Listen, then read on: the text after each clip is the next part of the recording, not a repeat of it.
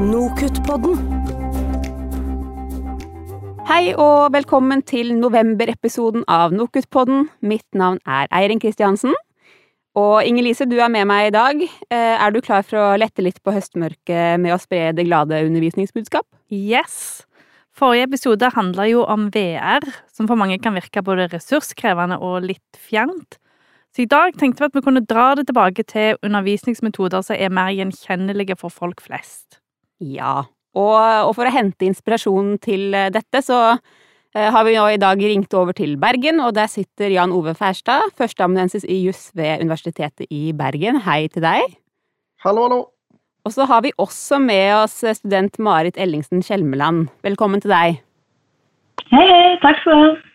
Jan Ove, du underviser i kontraktsrett, eh, og for det undervisningsopplegget som du har der, så har du fått Ugleprisen, som er Universitetet i Bergen sin interne pris for utdanningskvalitet. Eh, Og en av årsakene til at du fikk prisen, var at du har skapt studentaktiv læring innenfor eksisterende ressursrammer. Eh, Og her har du altså lagt om undervisningen fra mer tradisjonell forelesning til mer studentaktiv læring. Og det uten at det går utover budsjettene. Og det er jo flott. Så kan ikke du først nå fortelle oss hva var måte problemet som gjorde at du ønsket å endre undervisningen i utgangspunktet? Som underviser så kjente jeg på et behov for å synliggjøre for studentene at læring handler om veldig mye mer enn bare reproduksjon av eh, faktakunnskap og pugging av faktakunnskap. Jeg merket det som foreleser ved at eh, studentene var veldig opptatt av å ta ordrette notater ut av hva som ble sagt på forelesning, og den klapringen fra 300 tastatur som gjerne mange forelesere kjenner. Eh, Men jeg merket også som sensor på det at eh, veldig mange studenter var mye mer opptatt av å få reprodusert kunnskap som de satt inne med, istedenfor å få vist sensor at de hadde forstått den kunnskapen, og at de kunne anvende den kunnskapen på faktiske tilfeller. Og Da tenkte jeg her må vi gjøre noe. Her må vi prøve å få til noen grep for å synliggjøre at det er ikke dette læring handler om, det handler om mye mer enn enn den reproduksjonen. Så Jan Ove, hvordan er undervisningsopplegget deres nå? Jo, jeg tok eh, utgangspunkt i læringsplattformen Canvas, eller Mitt UiB som den eh, lokale varianten av Canvas heter hos oss. Eh, Lagde et opplegg for selvstudium der. Der finner studentene tekst, de finner videoer, de finner selvtester, som de skal bruke for å forberede seg til de øvrige læringsaktivitetene på emnet. Så la vi om forelesningene. Vi gikk over fra de klassiske monologpregede forelesningene som kjennetegner juss og veldig mange andre universitetsemner, hentet inn en foreleser til, eh, Johan Gjertsen, som er medemneansvarlig med meg. Eh, og vi to i sammen, samarbeid lagde et undervisningsopplegg der vi har korte foredrag, men hvor store deler av forelesningstiden består av at studentene skal løse mindre case, eh, praktikumsoppgaver som vi kaller det, diskutere disse seg imellom og avgi i svar via Mentimeter, som en sånn digital eh, digital eh, multiple choice-svare-app. Eh, I tillegg så har vi eh, van, det som jeg føler ut er det vanlige opplegget på, på jusstudiet i Bergen. At studentene følger arbeidsgrupper og storgrupper og, og, og, og jobber i de. Men så lager vi podkast i tillegg. Podkasten er en sånn ukentlig greie som kommer ut hver fredag. Hvor eh, vi emneansvarlige på kurset sammen med en student eh, oppsummerer uken som har gått diskutere litt hva studentene syntes var utfordrende i, eh, eh, med læringen i, i denne uken. Og vi ser litt frem til hva skal studentene jobbe med neste uke, og forbereder dem litt på det. Så det er på en måte en skisse av det vi, eh, vi gjør på kurset i dag. Kjempespennende. Dere har vel også, så vidt jeg har skjønt, en, altså i, i forelesning så har dere en slags sånn dialogbasert forelesning. Kan du på en måte si litt hva er tanken bak det? Det, det stemmer. Tanken er rett og slett å synliggjøre for studentene at innenfor uh, jusfaget, når vi beveger oss eh, opp mot forskningsfronten, så er det ulike oppfatninger av hvordan spørsmål skal, skal løses. Og det å, å være to uh, forelesere som kan diskutere spørsmål, istedenfor at én foreleser står og, og, forteller hvordan vedkommende mener at spørsmålet bør løses, det er veldig verdifullt, tror vi. I tillegg så prøver vi å involvere studentene i den diskusjonen. Få de til å komme med innspill og delta, og være aktive deltakere i forelesningen mer enn passive tilhørere, som de tradisjonelt er. Så da må på en måte studentene være med å ta stilling til, til det problemet som er der? Ja, og, og, så trekker vi jo det videre. Og i tillegg til at studentene går inn i den dommerrollen og tar, tar stilling til ja eller nei for Peder Aas eller Marte Kirkud medhold, så utfordrer vi de også på å begrunne hvorfor. Hva, hva ligger bak det standpunktet som de tar. Og På den måten så får vi da en diskusjon. Ja, spennende. Eh, Marit, du har jo hatt et emne som student, og så har du også bidratt i undervisningen i etterkant. Kan du eh, først si litt om hvordan du opplevde emnet da du tok det selv? Ja, eh, jeg hadde det her emnet våren 2017. Og da hadde Jan Ove så vidt kommet i gang med det nye undervisningsopplegget. Så da hadde denne podkasten, jeg hadde sitt første år. Og så hadde du også et par forelesninger som var litt mer dialogbasert. Eh, og da særlig den forstand at du og Gjertsen snakka eh, mellom hverandre om faget. Eh, jeg husker det som veldig engasjerende. Jeg husker det var mange som snakka om at det var engasjerende at eh, foreleserne prøvde å lage et godt opplegg for oss og hadde denne podkasten, og det virka som de brydde seg om vår læring og, var, og ønska at vi skulle være engasjert i læringa i faget. Eh, og at det var veldig motiverende. Men så er det også en del som syntes det var krevende den dialogbaserte formen. fordi at de da gikk ut av forelesning og så var de sånn eh, Hvordan kan vi nå vite hva som er riktig svar? De er jo ikke enige seg imellom engang. Hva skal vi skrive på eksamen? Det kommer til å gå helt forferdelig. Eh, og det var fordi det var ganske nytt for oss med en sånn tydelig faglig uenighet, og se at man kunne være uenig om hva som var riktig løsning, og hvordan man burde gå frem for å løse et spørsmål. Eh, så det var jeg husker det som ganske annerledes fra andre fag, bare fordi at der, den der uenigheten ble så fremheva, og fordi at det var veldig mye oppfølging. Da. Ja, så da ble dere på en måte ordentlig utfordra på at det er ikke Eller ofte så er det jo ikke faktisk, en faktisk fasit på, på, ting. Det er ikke et klart svar. Nei, og vi har nok en uvane med å, særlig de første årene, tenke at det er et riktig svar, og prøve å komme frem til både det riktige svaret, men også den riktige måten å finne frem svaret. Så det kan være mange ulike måter å gå frem for å løse et rettsspørsmål. Men vi tenker på en måte at det er bare én måte, og hvis du ikke klarer å finne den måten, så får du i hvert fall ikke av. og sikkert ikke se engang. At det er liksom et enveisrom. Ikke sant. Hva var, hva var rollen din i emnet da du underviste?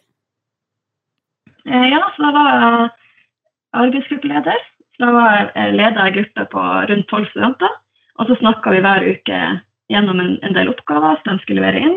Og så snakka vi også litt rundt de problemstillingene eh, som oppgaven reiste litt mer tematisk. Og så var jeg med på denne podkasten, Kontraktsrettsfredag. Og da tok vi utgangspunkt i de oppgavene og de arbeidsgruppene. Og så eh, tenkte jeg litt mens jeg hadde gruppen på hva studentene syntes var vanskelig, og hva jeg så studentene hadde slitt litt med da jeg leste gjennom oppgaven deres. Og så var det et, antok vi at det var et uttrykk for hvordan studentene generelt sett opplevde denne ukas oppgaver. Og så sier jeg selv jeg hadde faget og jeg er jo ingen ekspert i kontraktsrett sjøl, så kunne jeg kjenne igjen hva som var vanskelig. Og da kunne jeg også stille oppfølgingsspørsmål og grave litt eh, til jeg klarte å få en tydelig avklaring. Og derfor også kanskje andre studenter klarte å få en tydelig avklaring. Jan Ove, nå har vi jo fått høre litt fra Marit om hvordan hun og hennes medstudenter opplevde dette her, men kan du si litt om hva forventninger dere hadde til endringer i studentene sin læring eller læringsatferd? Ja, jeg vil bare først understreke noe som, som Marit snakket om der med podkasten. For, eh, for oss var det veldig viktig å ha med en student eh, og en arbeidsgruppeleder i den podkasten, nettopp for å få frem det perspektivet som, som Marit fremhever. Altså dette hvordan opplevde studentene hva opplevde studentene som vanskelig. Så, så det, det, vil jeg bare understreke at det er et mm. veldig viktig poeng. Men dette med forventningene til, eh, til studentenes læringsatferd var det du spurte om, sant? Ja. ja. Eh, håpet vårt var jo det at studentene gjennom dette opplegget skulle se at uh, jussen er mye mer mangfoldig enn uh, det de kanskje trodde når de startet på emnet. Jeg pleier å si til studentene tidlig i undervisningen at målet her er ikke å komme frem til det riktige svaret på ethvert rettsspørsmål, for det riktige svaret finnes ikke nødvendigvis. Det de skal gjøre, det er at de skal treffe rommet for faglig forsvarlig argumentasjon. Treffer de rommet for faglig forsvarlig argumentasjon, så har de oppnådd det vi ønsker. For det ser man jo i høyesterettsdommer, hvor det kan være dissens, og ulike høyesterettsdommere mener at rettsspørsmål bør løses på ulik måte. Så vi har i mange tilfeller ikke noe fasit. Men vi har et rom for faglig forsvarlig argumentasjon, og det var det vi skulle undersøke. Og så var det jo også viktig for oss å understreke dette at veldig mange, kanskje de fleste av de rettsspørsmålene som studentene kommer til å møte i løpet av yrkeskarrieren sin, de har vi ikke allerede oppdaget ennå. Altså, retten utvikler seg, samfunnet utvikler seg i så stor grad at vi er nødt til å sette studentene i stand til å håndtere helt nye rettsspørsmål som de kommer til å møte om 10-20 år. Og den måten å angripe jussen på som vi prøver på dette kurset, tror vi at setter studentene bedre i stand til å tilpasse seg nye rettslige spørsmål enn det en mer sånn tradisjonell eh, tilnærming eh, gjør. Opplevde dere at eh, studentene takla den utfordringen, at de håndterte overgangen fra mer tradisjonell undervisning? Ja, mitt inntrykk er at jeg gjorde det. Nå er kanskje Marit eh, nærmere på studentperspektivet til å svare på det, men min, min, erfaring er at det var en del studenter som opplevde det som krevende, eh, ja, eh, men veldig mange som var veldig positive og syntes det var en, en, spennende utfordring. Og jeg må jo si det at Som, som underviser så syns de det er veldig gøy når jeg får tilbakemeldinger av typen at de diskusjonene som vi startet på forelesningen, de har studentene fortsatt på egen hånd, enten i gangen utenfor lesesal eller i, over, over lunsjbordet. Da, mm. da, føler jeg liksom at da har vi oppnådd noe som, eh, som, er viktig for oss som universitetsansatte. Ja, ikke sant. Hva sier du, Marit? Ja, altså Jeg følte at studentene i min gruppe, og det har jeg hørt fra andre også, at det her gjaldt flere grupper, eh, følte at terskelen for å diskutere var litt lavere i dette faget enn i andre fag. Jeg tror at både at de hadde en samtale i forelesninger, men også at vi hadde en avslappa samtale i podkasten, tydeliggjorde at man kan ha ulike meninger, at man kan snakke fritt om, om faget uten å eh, være helt ha stålsikker forankring i rettspraksis f.eks., eller i en lov, at du kan mene ting om faget og kaste ut ting og eh, snakke om det litt fritt. Og at jeg følte at eh, diskusjonen i gruppa var veldig god, og at den bar preg av at de følte seg litt tryggere på bare det å ta standpunkt og stå for det standpunktet og diskuterer. Så det var veldig artig å se, det var artig å være med i gruppa når, eh, når studentene reflekterte litt mer fritt og selvstendig. Hva tenker du på en måte at dere har eh, altså Hva er det du lærer i dette emnet som du på en måte ikke lærer i mer sånn tradisjonelle undervisningsopplegg? Jeg tror at den frie samtalen som man ser i forelesningen og i podkasten, eh, viser at du kan angripe spørsmål på forskjellige måter. Og at i den mer tradisjonelle forelesningsformen der det er en som er mer monologbasert, så får du et inntrykk av at det er en riktig løsningsvariant her. Eh, og det er gjerne fordi at den foreleseren som snakker, har eh, selv en preferanse på hvordan spørsmål skal løses, og presenterer den, den, preferansen. Og så antar man at det er den eneste riktige. Men når flere løsninger presenteres i en diskusjon, så får du òg åpne ofte opp blikket litt for alle mulige varianter. Og da kan du også, hvis du ser at det er en annen løsning i ett spørsmål, så kan du kanskje begrunne den overføringsverdi til et annet spørsmål. Eh, tydeligere se linjen mellom ulike rettsspørsmål, ulike temaer innenfor eh, emnet. Mm. Ja, og det å, det å, identifisere de underliggende hensyn og de underliggende måtene som vi bruker for å argumentere og løse ulike rettsspørsmål, eh, det tror jeg setter studentene bedre i stand til å overføre den kunnskapen og de ferdighetene som de tilegner seg, også til nye spørsmål. Eh, for det handler ikke om eh, hva skal vi si, det handler ikke om et mønster for å løse det konkrete rettsspørsmålet, men det handler om å gi det en verktøykasse for å løse et utall ulike rettsspørsmål.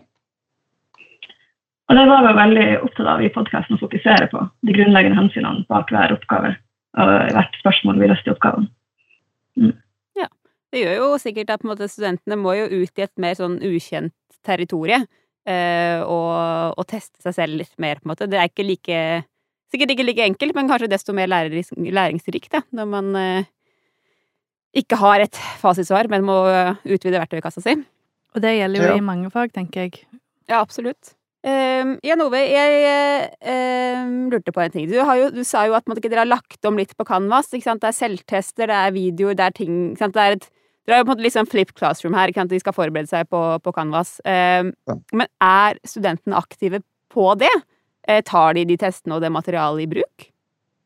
Uh, mitt inntrykk er at de gjør det, altså. Uh, jeg har ikke fin studert tall på hvor, hvor, mye tid de bruker der osv., men men jeg merker det både, altså jeg ser jo at de er aktive, og jeg merker det også på diskusjonene og spørsmål som kommer fra studenter. at Her har de aktivt jobbet med, med det stoffet som, som, ligger der. Og de tilbakemeldingene som vi får i evalueringen ut av emnet, er jo det at studentene syns det er veldig verdifullt å få presentert lærestoffet på flere forskjellige måter. altså Da har de en faglitteratur som de kan, kan støtte seg på, de har disse diskusjonsforelesningene, og så har de da den eh, ressursbanken, eller hva vi skal kalle det, som ligger på Canvas Eh, i tillegg, og hvor de også da får bli utfordret på å prøve om de har fått med seg de tingene som vi forventer at de skal få med seg. Eh, så, så mitt inntrykk er at ja, det blir, eh, blir, definitivt brukt. Ja, det her er jo en av de tingene jeg syns er liksom fint med måten dere rigga ting på, er for at man lærer jo bedre hvis man ta, må ta til seg liksom eh, stoff på ulike måter gjennom liksom, ulike kanaler. Eh, så det tenker jeg at det er liksom veldig positivt, at de her har på en måte det, liksom, eh, forelesningene, det dialogbaserte så har man Canvas, hvor det er ulike varianter av ting som gjør at de må tilnærme seg det samme fagstoffet på, med ulike metoder.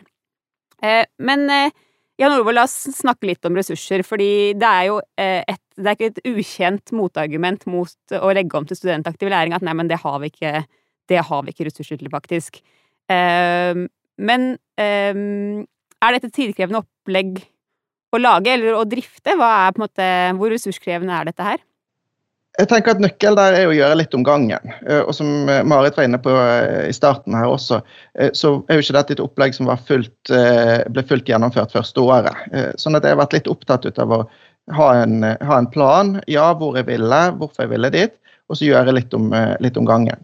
Og Det er jo klart det at det tar jo noe tid å lage disse modulene på, på mitt UiB, men samtidig så har du en gjenbrukseffekt som er veldig stor der. For de tingene som ligger inn på, på mitt UiB, er jo ting som er eh, i lite endring, kan du si. Altså det, Forskningsfronten og de tingene som endrer seg, de tar vi på, på, på forelesning, dialogforelesningene.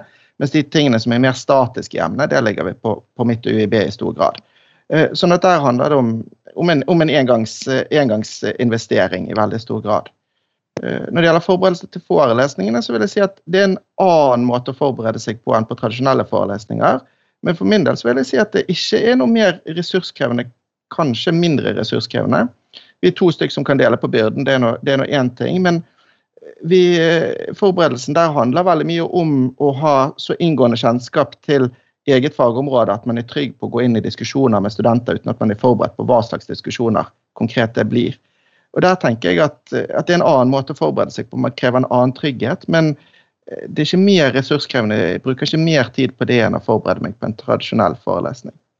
Ikke sant? Og hvis jeg har forstått det riktig fra vår samtale tidligere, så er det sånn at selv om dere er to forelesere inn på en gang, så forbereder dere da på en måte en halvparten hver, på en måte, eller en, en liten del. Så det er ikke sånn at det er to stykker inn, og det blir dobbel mengde undervisere inn.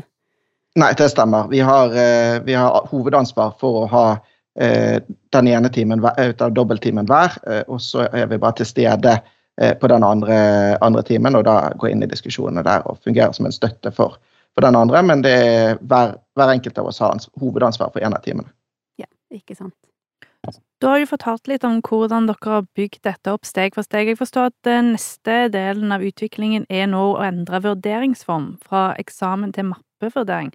Kan du si litt om hvorfor dere ønsker å gjøre det? Jo, vi ønsker å gjøre mappe, eller vurderingsformen til en mer integrert del ut av læringen på emnet. Eh, og det, det, fokuset som vi har hatt på refleksjon og resonneringsevne, eh, det, hva skal vi si, det, det, passer ikke så godt med den tradisjonelle skoleeksamen som, som vi har hatt eh, så langt. Eh, skoleeksamen i sin form inviterer veldig fort til mer sånn bygging og reproduksjon. Så Derfor så har vi tenkt at vi må gjøre noe med, med vurderingsformen. Og Mappevurdering falt vi ned på rett og slett fordi at da får studentene enda et insentiv til å jobbe gjennom, eh, jevnt gjennom hele kurset. Og vi får mer, inn et mer sånn formativt element i, i, vurderingen. At det blir ikke bare den summative ende, endestasjonen, men, men, det de skal levere til den endelige vurderingen, er også noe som de jobber jevnt med gjennom store deler av kurset. Marit, hvis det er noen som sitter og hører på nå, som lurer på om de kan gå i gang med noe sånt, har du noen tips til undervisere som ønsker å legge om for uh, å endre undervisningsopplegget? Uh, ja, for det første så vil jeg si at uh, det ligger en verdi i det å bruke litt tid på nisseopplegget, fordi at studentene føler seg veldig ivaretatt, og at det er veldig motiverende. Man blir veldig engasjert av det. Jeg jo, følger jo sosiale medier Jodel, der studentene snakker litt om hvordan de opplever studiehverdagen. Eh, og opplegget på kontrakter har fått ekstremt positiv tilbakemelding fordi folk føler seg veldig ivaretatt og føler at de får, de får lyst til å gjøre en ordentlig innsats i faget. Eh, så det er noe å tenke på. Og så tror jeg også at det er lurt å få med seg studenter som har hatt faget sjøl, og som er litt nærmere den som har faget, og vet hva som er vanskelig, og kan si noe om hvorfor det er vanskelig å stille gode oppfølgingsspørsmål og sette seg litt inn i eh, hvordan det er å ha faget. Eh, at det kan være en god idé for å virkelig komme i kjernen av hva som er vanskelig for studentene. Ja, det kan kanskje være litt betryggende òg for studenter som syns dette er nytt og utfordrende, at de ser noen, har, noen som har vært igjennom det og fått det til, og kan vise at det, det ordner seg til slutt. Selv om en kan være litt usikker. Jeg syns jo det her også er et veldig sånn fint poeng, for det er, jo, eh, det er jo veldig lett å gå inn i en sånn ekspertfelle hvor man på en måte glemmer hva som var utgangspunktet for de som, som faktisk sitter der på som studenter, da, og ikke har det samme liksom, vokabularet, de har ikke fagbegrepene inne nødvendigvis, og det er på en måte lett å glemme hvor var det jeg var da jeg begynte som student, når man har holdt på med et fag i liksom 5-10-15 år, da. Så det å på en måte ha med studentene inn vil jo på en måte sørge for at man hele tiden kan eh, opprettholde den eh, ja, den kunnskapen, holdt jeg på å si, om hvor, hvor studentene er enn i, i dag. Ehm, men Janove, Jan Ove, du er altså nå i gang med et prosjekt som du har fått tildelt midler til fra Diku eh, under programmet for studentaktiv læring for 2020, så gratulerer med det. Takk for det. Jo. Det er veldig, det er veldig stas. Eh, prosjektet går blant annet ut på å videreutvikle ideene som du har hatt i dette undervisningsopplegget, og overføre disse til andre emner på jusstudiet. Og det er jo delt opp i tre delprosjekter, som jeg har forstått. Et som har som mål å skape selvstendig reflekterte og kritiske jurister gjennom studentaktive læringsformer basert på, på blended learning. Eh, og så et som handler om å lære gjennom vurdering, altså hvor det vil bruke komparativ, autentisk og formativ vurdering. Og til slutt så har dere et delprosjekt om å lære å lære. Eh, og da har det snakk om kompetanseutvikling både rettet mot studenter, undervisere og sensorer. Og det høres jo eh, veldig fint ut. Eh, så, så, det er jo bare å ønske lykke til med liksom, det prosjektet. Og, og, det her kom jo altså Du begynte jo i det små, og du har jo sagt at du starter liksom med litt og litt om gangen, og så bygger du på for at det skal være på en måte overkommelig. Og nå har du da fått satt i gang et ganske stort prosjekt da, som følge av at du begynte, begynte, i det små. Og det er jo sikkert mange der ute som syns at det eh, høres ut som både en fornuftig tilnærming og, og spennende, da, det opplegget som du kjører. Så jeg lurer da på om du også har noen tips og råd til andre som har latt seg inspirere. Altså, hvor er det lurt å begynne når man skal sette i gang et sånn her type opplegg? Ja, eh, hvor, hvor, man vil begynne, det er veldig fagspesifikt, tror jeg. Der tror jeg man må kjenne sitt eget fagområde og sitt eget emne og tenke hva er det jeg har lyst til å gjøre noe med her, hvor tror jeg effekten vil være størst. Eh, men jeg tror eh, det viktigste uansett hvilke fagområder man befinner seg på, det er å ha en plan hvor man tenker gjennom hvor vil jeg ende opp, og hvorfor vil jeg ende opp der? Hva er det jeg ønsker å oppnå eh, til slutt? Og så, eh, når man har satt seg ned og tenkt litt på det, så vil jeg tenke hva er det første jeg kan gjøre eh, med eh, undervisningsopplegget eller læringsopplegget på mitt emne for å komme i retning av dette målet som jeg har satt meg. Eh, og, og, så starter man der, og så får man tilbakemeldinger på det man har gjort. Man gjør eh, eventuelle kurskorrigeringer og så kan man gå videre til andre ting og, og, og utvikle det videre. Men ett steg om gangen tror jeg er veldig viktig, så ikke man knekker nakken og tenker at nå skal jeg gjøre alt på en gang. For det blir det erfaringsmessig aldri tid til. Og så eh, har jeg lyst til å nevne noe som en, som en erfaren professor på, på, vårt fakultet sa til meg for ganske lang tid siden, men som har, har, har, vært veldig viktig i min prosess her. For han sa det at å endre et undervisningsopplegg på universitetet, det er som å snu på en oljetanker. Man må ha en, man må ha en plan om hvilken kurs man vil ha, men det er de små kursendringene som gjør suksess. Det er ikke de brå kursendringene. Og Det handler litt om at dette opplegget man, man eh, eller de endringene man gjør, de må ha legitimitet både underviserne, hos underviserne som er involvert, og det må også ha en legitimitet hos studentene. Eh, at det oppleves som, som noe studentene føler at dette fungerer, dette kan vi ha tro på. Hvis det blir for mye ukjent, som Marit var inne på litt tidligere, så kan det virke litt forvirrende. Det kan bli veldig mye man må forholde seg til. Så litt sånn gradvise endringer, det tror jeg er, er viktig. Når det er sagt, eh, så for min del så var dette å begynne med Canvas det var veldig, veldig greit. For det var på en måte en, en, en relativt kjent uh, måte å jobbe på. Uh, og man kunne ta det litt sånn stegvis. Skrive litt ny tekst der. Man kunne lage noen, noen sånne multiple choice-tester. Uh, spilte inn noen videoer ganske, ganske greit på egen, egen PC. og så var jeg på en måte i gang. Eh, og det samme gjorde vi med forelesningene, som, som, vi sa i sted. Vi begynte med å ha noen små sånne multiple choice-økter eh, under, under, en vanlig monologpreget forelesning. Og så utvidet vi, vi, vi, det vi ønsket å oppnå med de, de øktene, og så ble det mer, større og større del av, av forelesningsrekken. Eh, så, så hovedtipset er begynn i det små, og så la dette utvikle seg gradvis, tror jeg. Hmm. Så tenker jeg Dere har jo på en måte brukt verktøy her som er som er ganske kjent i sektoren, da, med Canvas, med Mentimeter, som har blitt mer og mer utbredt, og som jeg tenker at eh, man har jo sikkert også eh, Mange universiteter og høyskoler har nok også et støtteapparat som, som, kjenner godt til disse programmene også, som kanskje kan hjelpe hvis man syns det er litt vondt og vanskelig da, å, å sette i gang. Um, så det er i hvert fall på en måte alle de tingene som er med her, alle aspektene, er jo på en måte innenfor kjente formater, de bare med en annen vri. Så det er jo eh, et sted å starte, kanskje. Ja, det er ikke VR, liksom. Det er ikke VR. Eh, men det var altså det vi rakk i, i, denne episoden, og tusen takk til Janova og Marit for en veldig inspirerende samtale om studentaktiv læring. Eh, og så håper jo vi at det var nyttig for mange av underviserne der ute. Vi tror jo det her er ganske overførbart til mange fag. Og for de som er interessert da, i prosjektet til Janove, så har vi lenket opp eh, informasjon til det eh, ved siden av denne episoden her. Og hvis du som lytter eh, har noen tips til eh, noen som vi i Nokutpodden burde snakke med, så send det gjerne inn til nokutpodden at nokut.no. Så da er det bare å si takk for denne gang, eh, og så høres vi igjen om en måneds tid. Nokutpodden.